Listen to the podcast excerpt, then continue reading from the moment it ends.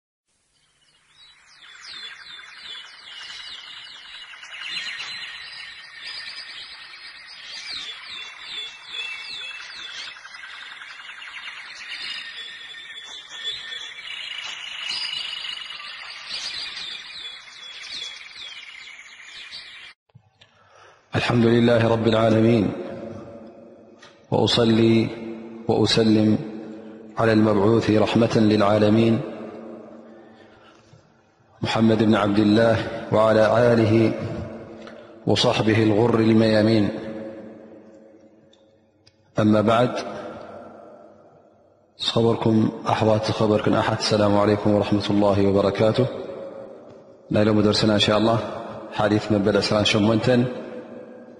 أحايث الأرعين النوويةيقول هذا الثث زيليثاامنوالن عن أبي نجيح العرباد بن سارية - رضي الله عنه - قال وعظنا رسول الله - صلى الله عليه وسلم - موعظة وجلت منها القلوب وضرفت منها العيون فقلنا يا رسول الله كأنها موعظة مودع فأوصنا قال أصيكم بتقوى الله عز وجل والسمع والطاعة وإن تأمر عليكم عبد حبشي فإنه من يعش منكم فسيرى اختلافا كثيرا فعليكم وسنة الخلفاء المهديين الراشدين تمسكوا بها وعضوا عليها بالنواجذ وإياكم ومحدثات الأمور فإن كل محدثة بدعة وكل بدعة ضلالة حدثي تركمنات العرباد بن سار يبل رضي الله عنه ر يريله ረሱል صለ ላሁ ለ ወሰለም መውዒዛ ሂቡና እዚ መውዒዛ ከዓ ወይ እዚ ስብከት እዚ ንልቢ ዘፍርህ ነይሩ ወጅለት ምንሃ ቁሉብ ዓይንት ውን ነቢዑ ስለዚ እንታይ ኢልናዮም ንረሱል ያ ረሱላ ላህ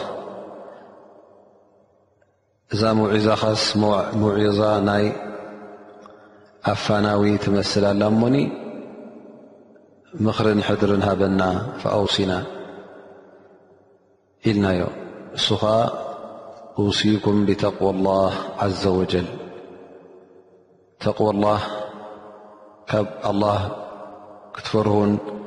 ኣብ መንጎኹምን ኣብ መንጎ ቁጣዕኡን መከላኸለ ንክትገብሩ እመኽረኩም ስምዑን ተማእዘዙን ወላ እውን ሓደ ሓበሻ ባርያ እውን ይምራሕኩም ነዊሕ ዝነብር እኮ ብዙሕ ክርእዩ ብዙሕ ፍልልያት ክርእዩ ስለዚ ሱና ናተይ መገዲ ናተይ ቀጣቢልኩም ሓዙ ከምኡ ውን መገዲ ቶም ኮለፋ ራሽዲን ኣልማህዲይን ዝበሃሉ ማለት እቶም ድሕሪ ነቢና ሓመድ ለ ላ ሰለ ሰላ ዓመት ሰይድና ኣቡበከር ዑመር ዑስማን ዓሊ ኣከታቲሎም ዝመፁ ኩለፋ እዚኦም ናቶም ሱና ናቶም መገዲ ሒዝኩም ኪዱ ቀጥ ኣቢልኩም ድኣ ሓዝዎ ኢኹም በስናንኩም እውን ንኸሱ ካብ ሓድሽ ነገራት ከዓ ተጠንቀቑ ካብ ሓድሽ ሕደሳታት ኣብ ዲን ዝኣቱ ማለት እዩ ተጠንቀቑ ምክንያቱ ዝኾነ ሓድሽ ነገር ኣብ ዲን ሕደሳ ንክትገብር ቢድዓ እዩ ዝኾነ ቢድዓ ኩሉ ቢድዓ ኸዓ ጥፍኣት እዩ ኢሎም ነቢ ለ ላ ለ ወሰለም እዚ ሕፅር ዝበለ ትርጉም ክኸውን ከሎ እንሻ ላ ኣብቲ ነዊሕ ትንተና ክንኣቱ ቀዳማይ ነገር እዚ ሓዲስ እዚ ክረአ ከሎ ዓብ ሓዲስ ዓብ ምኽሪ ዝሓዘ እዩ ኣኑ ኣነቢ ለ ላ ለ ሰለም ነቶም ሰሓባ ብተቕወላ መኺሮሞም ተቕዋን ክገብሩ መኺሮሞም ፍርሃት ረቢ ድክህልዎም እዚ ብድሕሪ ምሕታት እቶም ሰሓባ ዝመፀ መልሲ ስለ ዝኾነ እሞ ያ ረሱላ ላ ተዋሰየና ሕድሪ ሃበና ለበዋ ሃበና ኢሎም ምስ ሓተቱ ነቢ ስ ሰለ ን በዚ ተላብዮም ማለት እዩ እሱ ከዓ ተቐንዲ ነገር ኩሉ ግዜ ካብ ኣላ ስብሓን ወተላ ፍርህን ንኣላ ስብሓን ወተላ ዝኣዘዙ ምእዛዝን ክርከብ ኣለዎ ድሕሪኡ ከዓ ጣዓት ውላት ልእሙር ነቶም መራሕቲ እስልምና እውን ንዕኦም ክትምእዘዝ ሓደ ኢድ ክትከውን መገዲ ሱና ሒዝካ ክትከይድ ካብ ሕደሳታት ዘበለ ኣብ ዲን እውን ንኸይትእቱ ካብኡ ንኸትጥንቀቕ እዚ ሓዲስ እዚ ስለ ዝጠቅስ ኣገዳሲ ዝኾነ ሓዲስ እዩ ምክንያቱ በዚ ምክሪ እዚ እተ ቀጢልካ ከትካ ከም ውልቀሰብ ይኹን ከም ማሕበረሰብ ከም ዓዲ ከም እማ ኩሉስ ተዓዊትካ ማለት እዩ እተ በዚ ምክሪ እዚ ናይ ነቢ ሙሓመድ ስ ሰለም ምክሪ እተ ቀጢልካ ከይልካ ኣብ ኣዱንያኻን ኣብ ኣራኻን ዓወት ረክብካ ማለት እዩ እዚ ምክሪ እዚ እውን እዚ መውዒዛ ምሃብ ከዓ ናይቶም ዑለማ ናይቶም ዳዕዋ ዘካይዱ ሰባት ሞያ እዩ እሞ ከዓ ኩሉ ግዜ ነቲ ህዝቢ ክመክርዎ ኣለዎም ነሲሓ ክህብዎ ኣለዎም መዘኻኸሪ ክህቡ ኣለዎም ንሰብ እውን ልቦም ንኸተርክሱ ክፍትኑ ኣለዎም ማለት እዩ ምክንያቱ እዚ ምትርካስ ልቢ እዚ መውዒዛ እዚ ኣድላይ እዩ ምክንያቱ ኣላ ስብሓን ወተላ ሰብ በዓል ሰናይ ሰናይ ክፈድኹ ምኳኑ በዓል እከይ ድማ ክቐፃዕ ከም ምኳኑ በዘ ሰብ ክተዘኻኸር ከለኻ ልቡ ተተርክሶ ናብ ኢማን እውን ትመልሶ ማለት እዩ እዚ ዋዓዝ እዚ እውን ኣብ ቁርን ተዳርእና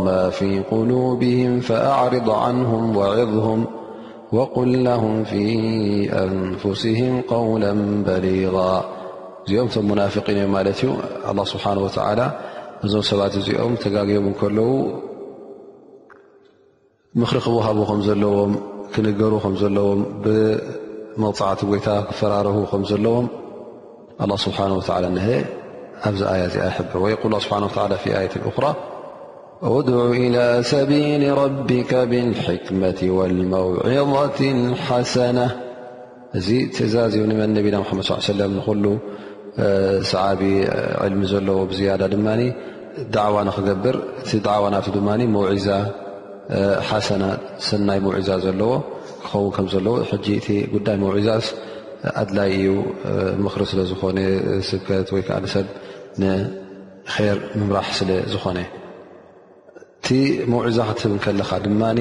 ሱቕ ኢልካ ኣይኮነን እንታይ ደኣ ክትመርፅ ኣለካ ማለት እዩ እቲ ትዛረቦ ነጥቢ ትዛረቦ ጉዳይ ንሰብ ዘድሊ ክኸውን ኣለዎ እቲ ህብረተሰብ እንታይ ከም ምኑ እንታይ ጎዲልዎ ኣሎ ፈሊጥካ ነቲ ጎደት ዘሎ ከተማልኣሉ ኣለካ እንተ ግን ዘይትፈልጦ ህብረተሰብ እተ ኮይካ ወይ ከዓ ኣብ ክንዲ ኣብቲ ጉድለታቱ ዘለ ክዕረ ከም ዘለዎ ትዛረብ ካልእ ዘየእትዎ ነገር ምስቲ ህብረተሰብ ተደላይነት ዘይብሉ ወይ ከዓ ኣንፃሩ ዝኾነ ኣብ ሃብታም ህብረተሰብ እተ ትዛረብ ኣለኻ ብዛዕባ ናይ ሰደቃን ዘካትን ክትዛረብ ቅቡል እዩ ላኪን ድኻታት እንተ ኮይኖም ድማ ዘለዎም ዘይብሎም ዘካት ኣውፅኡ ዘካት እኮ ከምዚ እዩ ከምዚ ኢልካ ክትዛረብ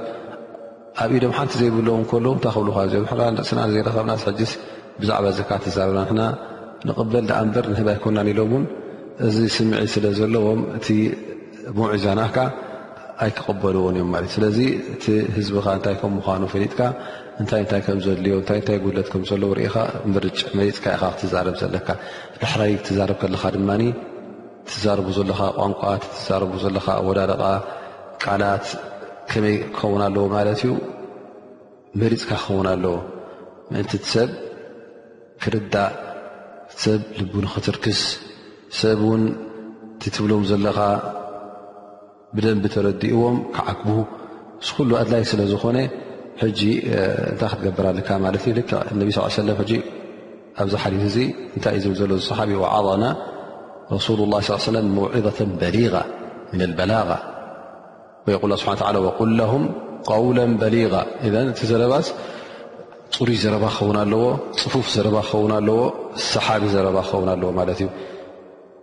ስለዚ እቲ ክተብፅሖ ከለኻ ነቲ መልእኽትስ ብፅፉፍ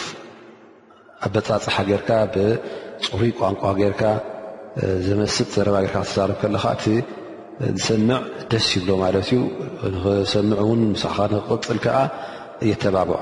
ከምኡ እውን እቲ መውዒዛ ግዜ ክምረፀሉ ኣለዎ ሙናስብ ዝኾነ ንኩሉ ዝኸውን ማለት እቲ ግዜስ ሓድሓደ ግዜ ግዜ ስራሕ ክኸውን እንከሎ ሰብ ናብ ስርሑ ሽግርገር እናበለ ከሎ ኣብዚ ሰዓት እዚ መዒዛ ክትህብ ከለካ ምናልባሽ ብዙሕ ሰብ ኣይሰምዓካን ልቡ ፍርቁ ምሳኻ ፍርቁ ድማ ኣብ ደገ ስለ ዝኾነ ሕጂ እቲ ሰብ ኣብቲ ግዜ ህድኣቱን ኣብቲ ግዜ ርግኣቱን ብዙሕ ስራሓ ዘይብሉ እዋን ግዜ ዕረፍቲ ኣብኡታት ክትመርፅ ከለኻ ፅቡቕ ይኸውን ማለት እዩ ነቢ ስ ሰለም እዛ መዒዛ ክዋ ከሎ ሕጂ እንታይ መዓስ እያ ራ ድሕሪ ፈጅሪ እያ ነራ እቲ ግዜ ናይ ነቢና ሓመድ ሰለም ተዛሪእና ከዓ ሰብ ብእዋኑ ደቂሱ ፅቡቕ ብምሉእ ለይቲ ደቂሱ ፈጅሪ ብእዋኑ ተሲኡ ፍሬሽ እዩ ዝትስእ ማለት እዩ ሕጂ ድሕሪ ፈጅሪ ድቃስ ዝበሃል ኣይነበረን ድቃስ ዝበሃል የለን ትኽስክስ የለን ኩሉ ንምንታይ እዩ ዝዳሎ ላስ ሓድሽ መዓልቲ ንስራሕ ስለ ዝዳሎ ሕጂ ድሕሪ ፈጅሪ ፅቡቕ ግዜ እዩ ነይሩ ማለት እዩ ሰብ ኣዕሪፉ ካብ ድኻሙ ካብ ኩሉ ነቢ ስ ሰለም ኣብዚ ሰዓት እዚ ሂብዎም ማለት እዩ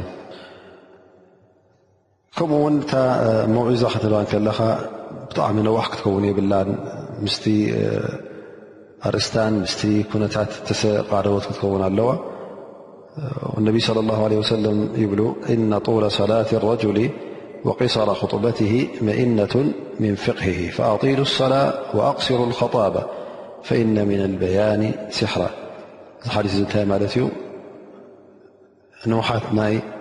ሰላት ሕፅረት ናይ ኹጥባ መደረ እዚ እንታይ እዩ ዝርእካ ይብሉ ነቢ ስ ሰለም ፍቕህን ፍልጠትን ናይቲ ሰብ እዩ ዝርእካ ስለዚ ሰላት ክሰግዱ ከለኹም ተንዋሕኩሞ ኹጥባ ክትቡ ከለኹም እታ ኹጥባ ተሕፀርኩማ እዚ እዩ ፅቡቕ ምክንያቱ ሕፅር ዝበለ ተዛሪብካ ብሩህ ዘረባ ተዛሪብካ ፅፉፍ ዘረባ ተዛሪብካ እዚ ሕጂ ሰብ እኹል እዩ ስለዚ እንተ ነዊሑ እቲ ቀዳማይ ትርስዖ እቲ ካኣይ በቲ ካልኣይ ትድምስሶ ስለ ዝኾንካ ስለዚ እታ ክጥባ ወይ ከዓ እታ መውዒዛ ክትባ ከለካ ስትሮቦ ነዋሕ ክትከውን የብላ ትሮቦ ድማ ሓፃር ክትከውን የብላ ግን እንታይ ክትከውን ኣለዋ ማእከለይቲ ኮይና ምስ ከምቲ ዝበልናዮ ምስ ርእስታን ምስ ኩነታትን ምስቶም ሰማዕትን ትሳነ ክትከውን ኣለዋ ማለት እዩ እዚ ሙዒዛ ዝህብ ሰብ እውን እቲ ናቱ ሙዒዛ እቲ ናቱ ምክሪ እቲ ናቱ ስብከት ቅቡል ንክኸውን ብዙሕ ነገራት ከማልእ ኣለዎ ስቂልካ ኣይኮነን ን ዝኾነ ሰብ ሙዒዛ ሂቡ ዘረብኡ ኣብ ልቢ ሰብ ዘይበፅሕ ሰብ ኣሎ ወላ እውን ዕልሚ ይወሃብ ወላ ውን ፍልጠት ይወሃብ ላኪን እዚ ነገር እዚ ተውህቦ ናይ ጎይታ እዩ ናይ ኣላ ስብሓን ወተላ ሰባት ኣለዉ ኣ ስብሓ ወላ እቲ ናቶም ንያርኡ እቲ ናቶም እክላስ ሪኡ እውን ተቐባልነት ከም ዝረኽቡ ይገብሮም ማለት እዩ ዝኾነ ኮይኑ እቲ ከማልኦ ዘለዎ ዚ ዳዕዋ ዝገብር ሰብ መዒዛ ዝህብ ሰብ ትዛረቦ ዘሎ ዘረባስ ብኡ ዝኣምን ክኸውን ኣለዎ ምክንያቱ እንተ እስኻ ካብ እምነት ተበጊስካ ትዛረብ ኣለካ ኮይንካ ዘረባኻ ውን ኣብ ልቢ ክበፅሕ ይኽእል ማለት እዩ ልካ ከምቲ ኣናኢሓት ተክላ ለይሰት ከናኢሓት ሙስታእጀራ ዝበሃል ማለት ውላዳ ስኢናን ቤተሰባ ስኢናን እትበክል እተእውን ከምታ ተኻሪኻ ደምፅዓ ንኸተእውየልካ ኩሉ ሓደ ኣይኮነን ስለዚ እቲ ኣውያት ውን ዝሞታ ሰብ ክተእውን ከላ ንታት ብገንዘብ እተእውን በበይኑ እዩ ኢሎም ስለዚ እቲ ጉዳይ ካብ ልብኻ ተበጊስካ ክትብሎም ከለኻ ኣብ ልቢ ይወቃ ማለት እዩ ስለዚ ኣብዚ ሓሊት እውን ርኢና ወጅለት ምንሃል ቁሉብ ኢሎም እዞም ኣስሓብ ነቢ ስ ሰለም ማለት ልብታትና ኩላ ፈጥፍጥ ኢላ ፈሪሃ ወዘረፈት ምንሃል ዕዩድ ዓድትና እውን ጥረብረብ ኢላ ነቢ ዓይሎም እዘን እንታይ ማለት እዩ እቲ ነቢ ስ ሰለም ዘውፅኡ ዝነበሩ ቃላት ኩሉ ካብ ልቢ ዝነቐለ ዩ ነይሩ ብኡ ዝኣመኑ ከምኡ ውን እዚ ዝዛረብ ዘሎ ልቢ ኩሉ ግዜ ፅሩይ ልቢ ፃዕዳ ልቢ ክኸውን እንከሎ እዚ ከዓ ተቐባልነት ንክረክብ ዕድል ይህቦ ማለት እዩ ከምኡ ውን እዚ ዝዛረብ ዘሎ ኣብነት ክኸውን ኣለዎ ፅኑዕን ፅሩይን ቁኑዕን ኣብነት ክኸውን ኣለዎ ምክንያቱ እንተ ንሱ ነቲ ዝብሎ ዘሎ ዘይተግብር እንተ ኮይኑ ሰብ ኣይክቕበሎን እዩ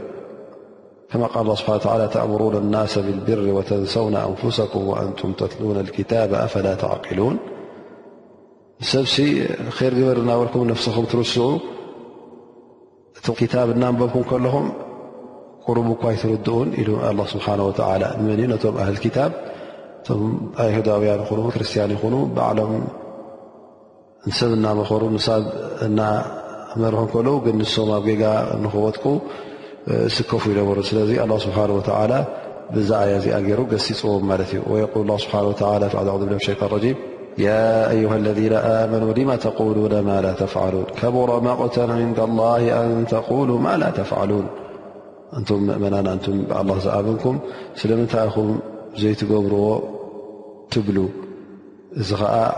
ቅድሚ ጎይታ ፅሉእ ዝኾነ ነገር እስኻ ዘይትገብሮ ነገራት ክትብል ከለኻ ክገብሮ እየ ክትብል ከለኻ ዘይትገብሮ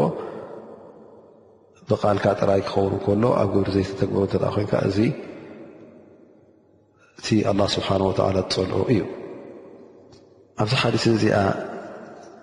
ኣስሓብ ነቢ እቲ ምኽሪ ናይ ነቢና ሙሓመድ ለ ላ ለ ሰለም ከመይ ገይሮም ገሊፆሞ ከኣ ን መውዒዘቱ መወድዕ ኢሎም ማለት እዛ ምኽሪ ካስያ ረሱሉ ላ ናይ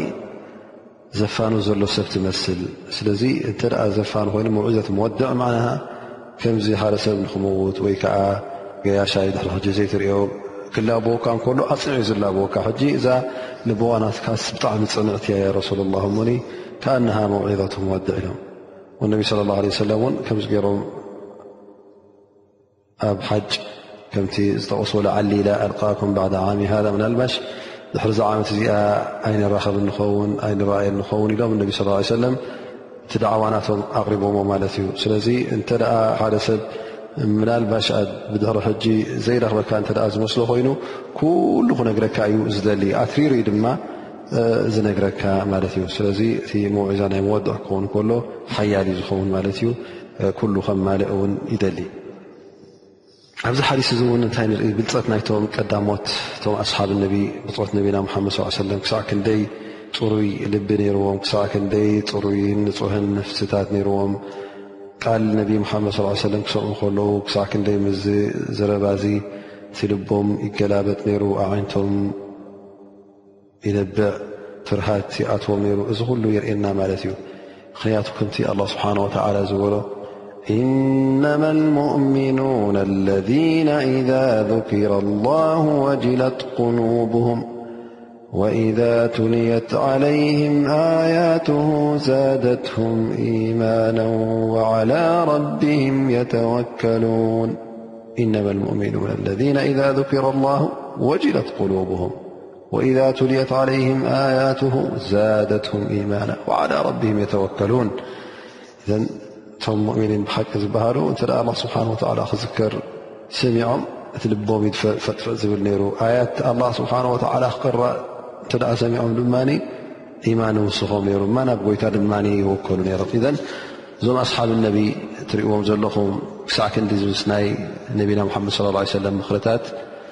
እቲ ልቦም ብፍርሂ ጥራይ ኣዒንቶም ብንብዓት ጥራይ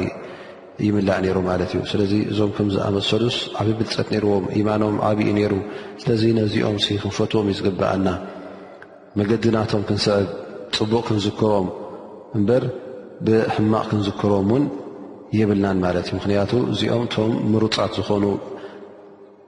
ኣስሓብ ነቢ ብፆት ነቢና ሙሓመድ ስ ሰለም ዝኾኑ እቶም መንገዱ ሒዞም ዝኸዱ ዝነበሩ ንነቢና ምሓመድ ስ ሰለም የማናይ ኢዱ ኮይኖም ፀጋማይ ኢዱ ኮይኖም ተደጋጊፎም ነቲ እስልምና ዝዝርግሑ ዝነበሩ ስለ ዝኾኑስ ክንፈትዎም እዩ ዘለና ምክንያቱ ፅቡቕ ታሪክ እዮም ኣፅኒሖምልና ፅቡቕ ፅቡቕን ብሉፅን ሃይማኖት ውን ተሰኪሞም ናብቶም ድሕሪኦም ዝስዒቦም ዝመፁ እውን ብፅቡቕ ኣገባብ እዮም ኣመሓላሊፎም ማለት እዩ ኣብዚ ሓዲስ እዚ እቲ ዝዓበየ ወስያ እንተ ርእናዮ ወስየት ተቅዋላህ ዝበሃል ካብ ጎይታ ፍርሂ ክህልወካ ካብ ኩሉ እቲ ንጎይታ ዘቆጥዕን ንጎይታ ዘይፈትዎ ነገራትን ካብኡ መከላኸሊ ክትገብር ማለት ሓራም ዘብኡ ጎይታ ዘይፈትዎ ዘብኡ ካብኡ ክትርሕቕ እሱ ዝኣዘካ ድማ ክትምእዘዝ ከለኻ እዚ እዩ ተቕዋ ዝበሃል ፍርሃት ረቢ ዝበሃል ናይ ብሓቂ ስለዚ ካብ ማዕስያ ርሒዕካ ሰናይ እተ ገርካ ኣብ ተቕዋ ኣለኻ ማለት እዩ እሱ ከዓ ብቐንዱ ናይ ኣዱንያ ናይ ኣኼራን ር ኩሉ ክመላኣልካ እዩ እታ ካልእቲ ወስያ ውን ኣልወስያ ብጣዓት ልእሙር እያ ነራ ውላት ልእሙር እቶም መራሕቲ እስልምና ዝበሃሉ እቶም መራሕቲ እቶም ኣስላም ዝኾኑ መራሕቲ ኩሉ ግዜ ክንምእዘዞም ከም ዘለና ግዴታ እዩ ካብቲ ትእዛዛቶም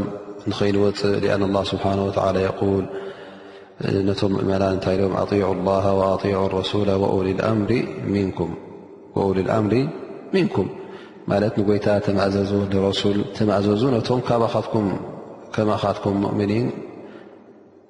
መራሕትኹም ዝኾኑ እውን ተማእዘዝዎም ኢኹም ምክንያቱ እንተ ደኣ መራሕ ጌርካ ንሃገርን ንዲንን ዘመሓድር እንተ ዘይትሰምዖ ኮንካ እንተ ዘይትምእዘዞ ኮንካ እቲ ዓዲ እንታይ ዩ ክኸውን ማለት እዩ ዓዲ ፋሕ ብትን ዩ ክኣትዎ ሰሓቦ ጉተቶ ኣማን የብሉ ኢማን የብሉ ክኸውን ማለት እዩ ስለዚ እንተ ሓደ ኢት ኮንካ ሓድነት ትገብር ትሕይል ትብርትዕ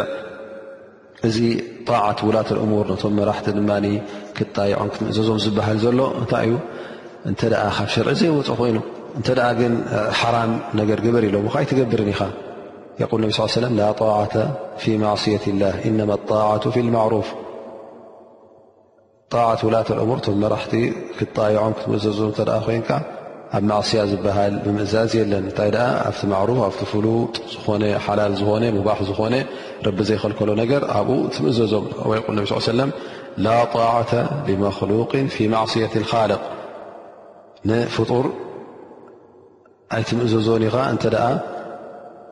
ንፈጣሪ ተዓስየካ ኮይና እታ ዝብላ ዘሎስ ካብ ትእዛዝ ፈጣሪ ተውፃካ እንተ ኮይና ስለዚ እዛ ሓዲስ እዚኣ እንታይ እያ እቲ ምእዝዛ ናይቶም መራሕቲ ምስማዕ ትእዛዝ ናይቶም መራሕቲ ምስማዕ ንኦም ምእዛዝ ምስ ምንታይ ተኣሳሰረ እዩ ምስ ማዕሩፍ ምስ መገዲ ኣላ ተኣሳሰረ ልካ ከምቲ ኣብ ክታብን ኣብ ሱናን ዘሎ እተ እዝዙካ ኣለዉ ኮይኖም ካብኡ እተ ዘይወፁ ተማእዘዞም እተ ረቢ ዘይፈትዎ ምስ ክታብ ረቢ ዝገራጮ ምስ ቃል ነቢ ሓመድ ስ ሰለም ዝገራጮ ን ንክትገብር እተ ኣዚሞካ ግን ኣይትፍፅሙን ኣ ምክንያቱ ቀዳምነት ትድንካ ስለ ዝኾነ ጠብዓን ኣብዚ ሓዲስ እዚ እውን ካብቲ ተጠቕሰ እንተዳርእና ኣብዛ እማ እዚኣ ብዙሕ ፍልልያት ክርከብ ከም ምዃኑ ነቢ ስ ሰለም ይብሉ ብዙሕ ዝነብር ወይከዓ ነዊሕ ዝነብር ካብኣኹም ብዙሕ ነገራት ክርኢ ብዙ ፍልልያት ክርኢ ዩ ኢሎም እሞ ኣብዚ ጉዳይ እዚ እንታይ እዩ ዘድሊ እነቢ ስ ሰለም ሓቢሮም ማለት እዩ እንተ ፍልልያት ብዚሑ ሰብ ንናቱ ክዛረብ ኣብ ዲን ኣልእስላም ባዕሉ ብኢደወንንኡ ዘይናቱ ክቕትወሉ እተ ጀሚሩ ሰብ ክሳሓ እተ ጀሚሩ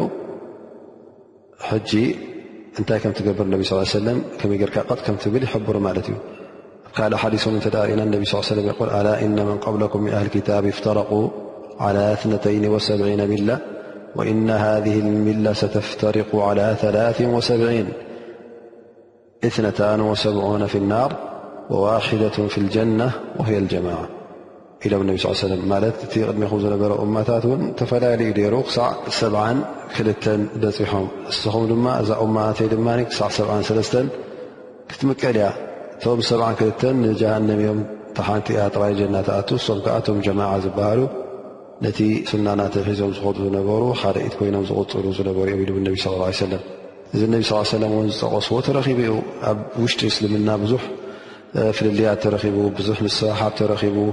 ሺዓ ዝበሃሉ ኢማምያ ራፊዳ ዝበሃሉ ከምዚ ዓይነት ቀደርያ ዝበሃሉ ብዙሕ ኣስማት ዝሓዙ ነናቶም ካብቲ ቅኑዕ መገዲ ናይ ሱና ወፂኦም ናቶም ሕደሳ እናገበሩ ካብ መገዲ ዝወፁ ውሑዳት ኣይነበሩን ስለዚ እዚ ክርከብ ከም ምዃኑ ነቢ ስ ሰለም ጠቂሶም ነይሮም ላኪን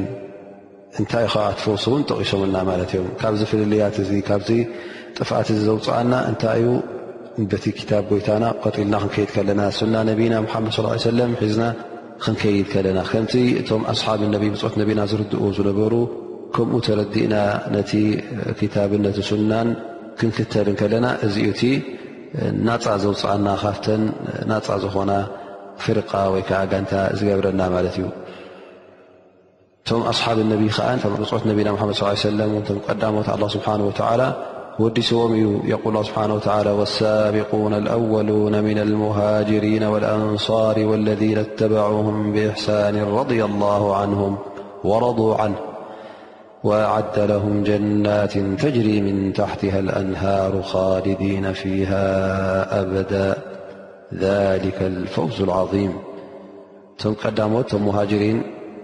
ካብ መካ ንመዲና ዝፈለሱ እቶም ኣብ መዲና ፀኒሖም ዝደገፉ ኣንሳር እውን ከምኡ ውን እቶም ብድሕሪኦም ብሰናይ ዝሰዓቡ ኩሎም ጎይታ ፈትዩሎም እዩ እሶም ከዓ ንጎይታ ረድዮምሉ እዮም ጎይታ ረድዩሎም እሶም ከዓ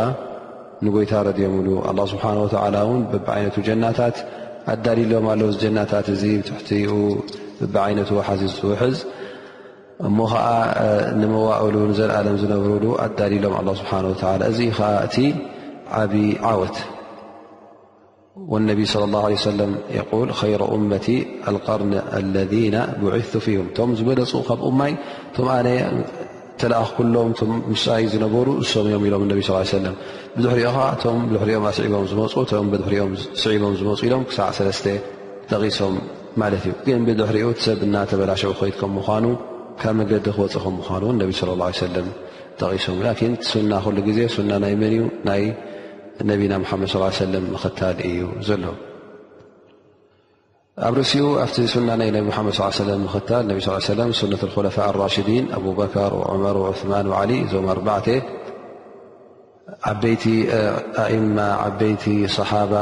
መራሕቲ እስልምና ዝነበሩ ብድሕሪ ነቢ ሙሓመድ ለ ላ ለ ወሰለም ሱና ናቶም ክንክተል እውን ተኣዚዝና ማለት እዩ እቲ ሱና ናቶም ጠብ ምስቲ ሸርዒ እስልምና ዘይ ገራጮ ዝኾነ ዝገብርዎ ዝነበሩ እሶም ከዓ እነቢ ስለ ላ ለ ሰለም ካብቶም ኣህሊ ጀና ከም ምዃኖም ስለ ዝመስከርሎም እቲ ኩሉ ዝገብርዎ ዝነበሩ ረቢ ዝፈትዎ ጥራይ እዩ ነይሩ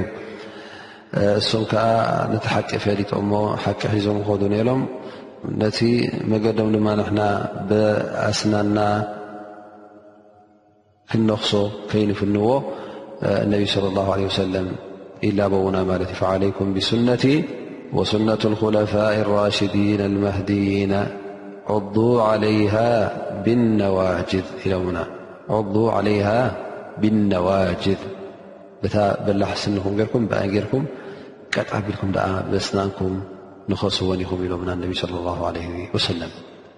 ነዚ ቀጥ ኣቢልና ክንሕዝ እናኣዘዙና በቲ ካልእ ሸነኽ ድማ ካብ ምንታይ የጠንቂቖምና ማለት እዩ ካብ ቢድዓ ዝበሃል ወእያኩም ሙሕደታት እሙር ፈኢነ ኩለ ሙሕደት ብድዓ ፈኢና ኩሎም ሕደተት እዮም ቢድዓ ኩሎ ቢድዓትን ላላ ስለዚ ነቢ ስ ሰለም ካብ ሕደሳ ኣብ ዲን ዘይናት ምእታው እዚ ዲን ኢልካ ክትኣምነሉ ኣብ ዲን ዘየለ ባዕልኻ ዘምፃካ ነገር ኣጅር ኣለዎ ክትብል ኣጅሪ ዘይብሉ ኣ ስብሓ ኣጅር ኣለዎ ዘይበለካ እዚ ካብ መንገዲ ምውፃእ ስለዝኾነ ነቢ ስለ ላ ለ ወሰለም የጠንቅቑን ኣለዉ ማለት እዩ እዚ ነቲ ዲን ዘበላሹ ነቲ ዲን ዘጥፍእ ከም ምኳኑ ነቢ ስለ ላ ሰለም